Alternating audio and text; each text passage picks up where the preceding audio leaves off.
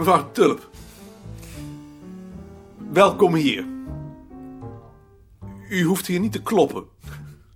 Dag, meneer Koning. U kent Muller? Ad Muller. Carla Tulp. Gaat u vast zitten. Ik haal Wiggelaar even. Gert! Carla Tulp is hier. Dag. Hallo. U bent er dus.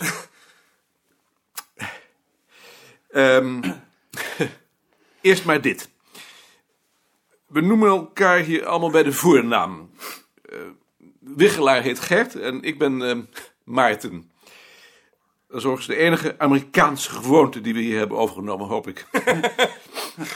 Ehm, je krijgt een eigen kamer.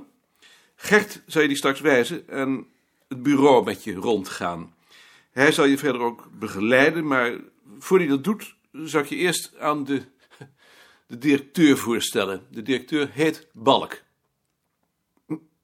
Zullen we dat dan eerst doen? Moet ik mee naar Balk? Nee, ik breng haar hier wel weer terug. Jouw kamer, eh, Carla, is hier direct boven aan de trap. Eh, daar zijn verder ook nog wat kamers van de andere afdelingen en van de tekenaar en de correspondentenadministratie. Op deze etage zitten wij. Gert zal je daar straks wel rondleiden. Op de eerste verdieping zit Balk met de afdeling volksnamen. En beneden zitten de afdeling volkstaal, de administratie en de bibliotheek. Dat krijg je ook nog wel te zien. Eh, hier zit ehm, Simon Hoevers. Simon. Hallo. Simon werkt op de afdeling volksnamen. Simon.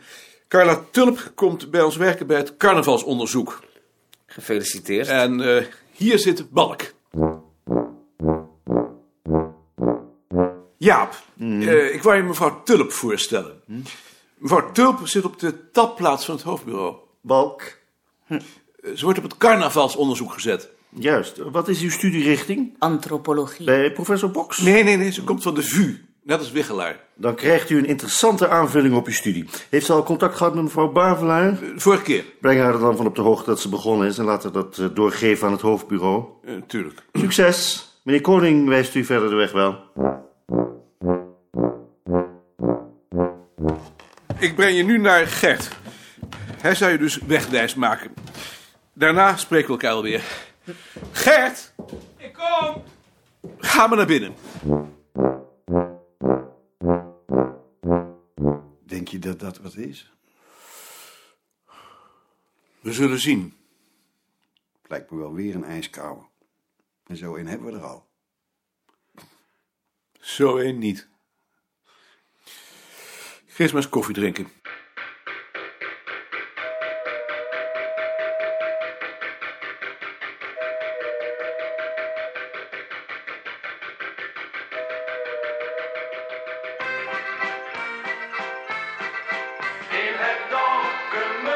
Lokaaltje kon het zo gezellig zijn.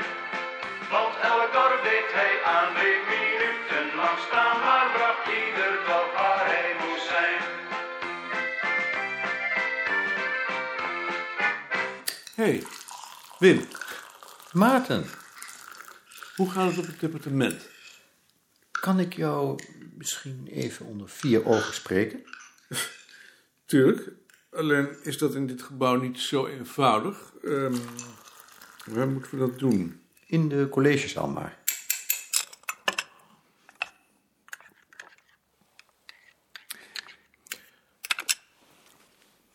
Ga je gang. Nou, ik eh, wend me maar tot jou, omdat Balk zo ontoegankelijk is. Hij ziet de ernst van de situatie blijkbaar niet in.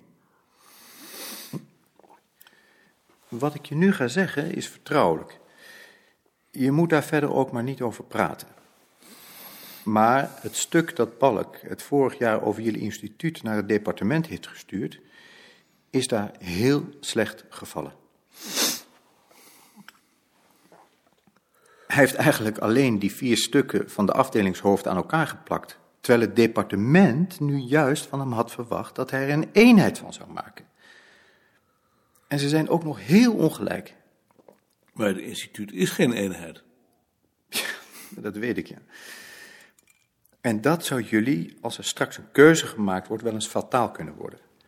Het AP Beerta Instituut is één van die instituten die wordt genoemd als er over de invulling van de bezuinigingen gepraat wordt.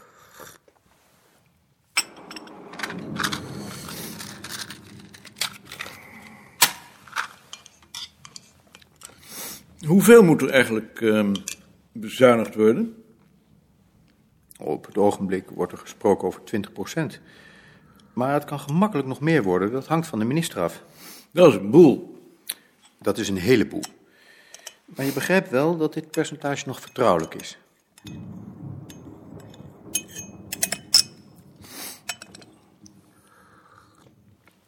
Ik zal er met Balk over praten. Ja, en maak hem dan ook duidelijk dat hij in mijn persoontje een aanspreekpunt heeft. En dat hij daar gebruik van moet maken. Dat zou ik doen. Ehm, blijf jij hier nog? Nee, ik, eh, ik heb een afspraak op het hoofdbureau. Maar Balk die kan mij altijd op mijn werk bellen.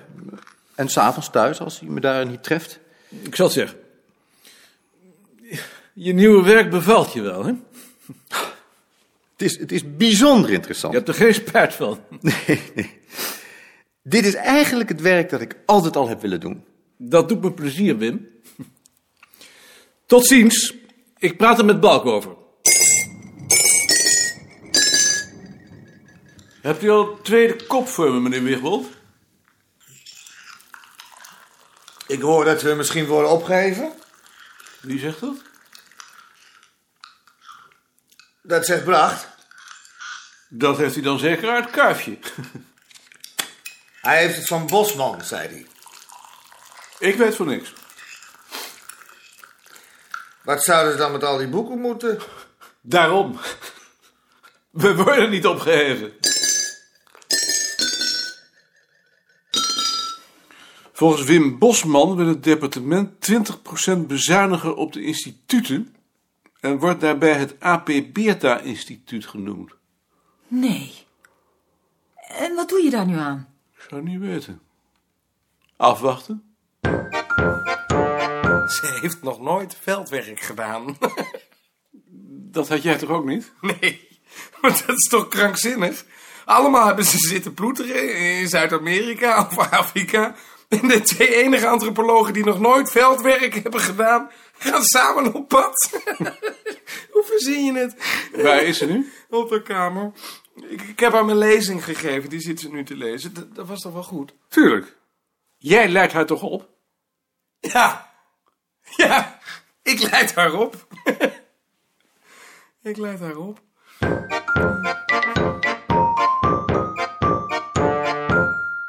Hoe was het vandaag? Goed. En met dat nieuwe meisje?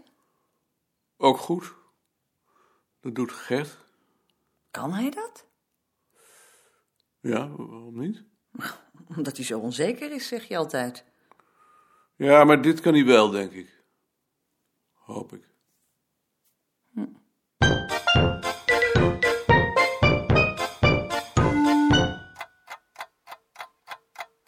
AP Beerta Instituut is één van die instituten die wordt genoemd als er over de invulling van de bezuinigingen gepraat wordt.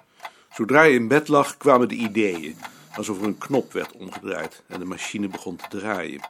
Hij vervloekte die eigenaardigheid en probeerde vergeefs de stroom af te dammen door op zijn andere zij te gaan liggen en weer op zijn andere zij.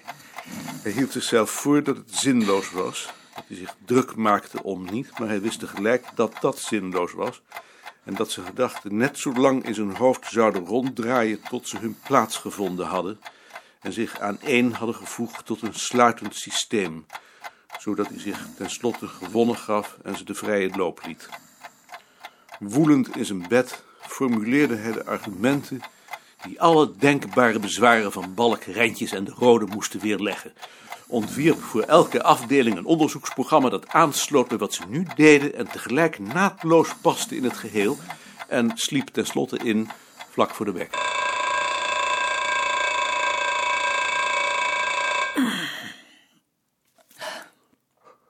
Hoe heb je geslapen? Ik heb niet geslapen. Heb je niet geslapen? Bijna niet. Oh, dus je hebt wel geslapen. Misschien een half uur. Heb je dan in godsnaam gedaan? Heb je weer liggen denken soms? Ja. Wat heb je dan liggen denken? Ik heb een onderzoeksprogramma voor het hele bureau ontworpen. Heb je aan het bureau liggen denken? Ja. Waarom? Omdat we anders misschien worden opgeheven. Worden jullie opgeheven? Daar weet ik niets van. Omdat we geen eenheid vormen. Maar dat zou toch zeker prachtig zijn als jullie werden opgeheven? Daar zou je toch zeker blij om moeten zijn? Ja, natuurlijk zou ik daar blij om moeten zijn, maar ik voel me ook verantwoordelijk. Als jij nou van blijdschap niet had kunnen slapen, dan had ik dat kunnen begrijpen. Maar een onderzoeksprogramma ontwerpen omdat je wordt opgeheven. Hoe haal je het in je hoofd? Oh.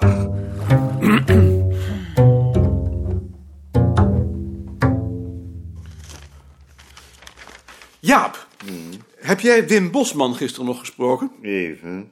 Eh, heeft hij het ook gehad over de kritiek van het departement op ons beleidstuk?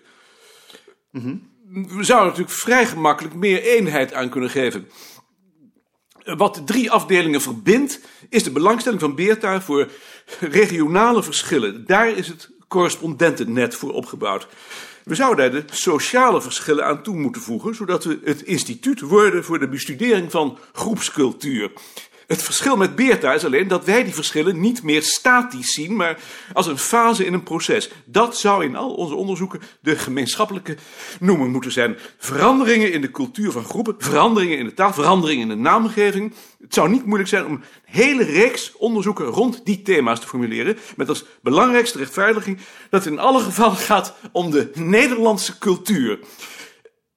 Wij interesseren ons al lang niet meer voor regionale verschillen.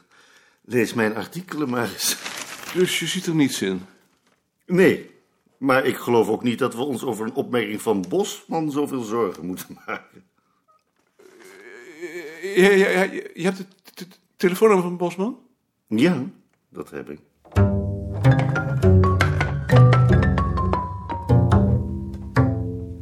Zie. Ik heb er met Henk over gepraat, over dat we misschien worden opgeheven. En Henk zegt dat we eh, drie verdedigingslinies moeten aanleggen. Eén rond het instituut, eh, één rond de afdeling samen met het muziekarchief... en één rond ons eigen bureau. Eh, dan heb je kans dat we het overleven voor ze ons bereikt hebben. In ieder geval moeten we onze huid zo duur mogelijk verkopen.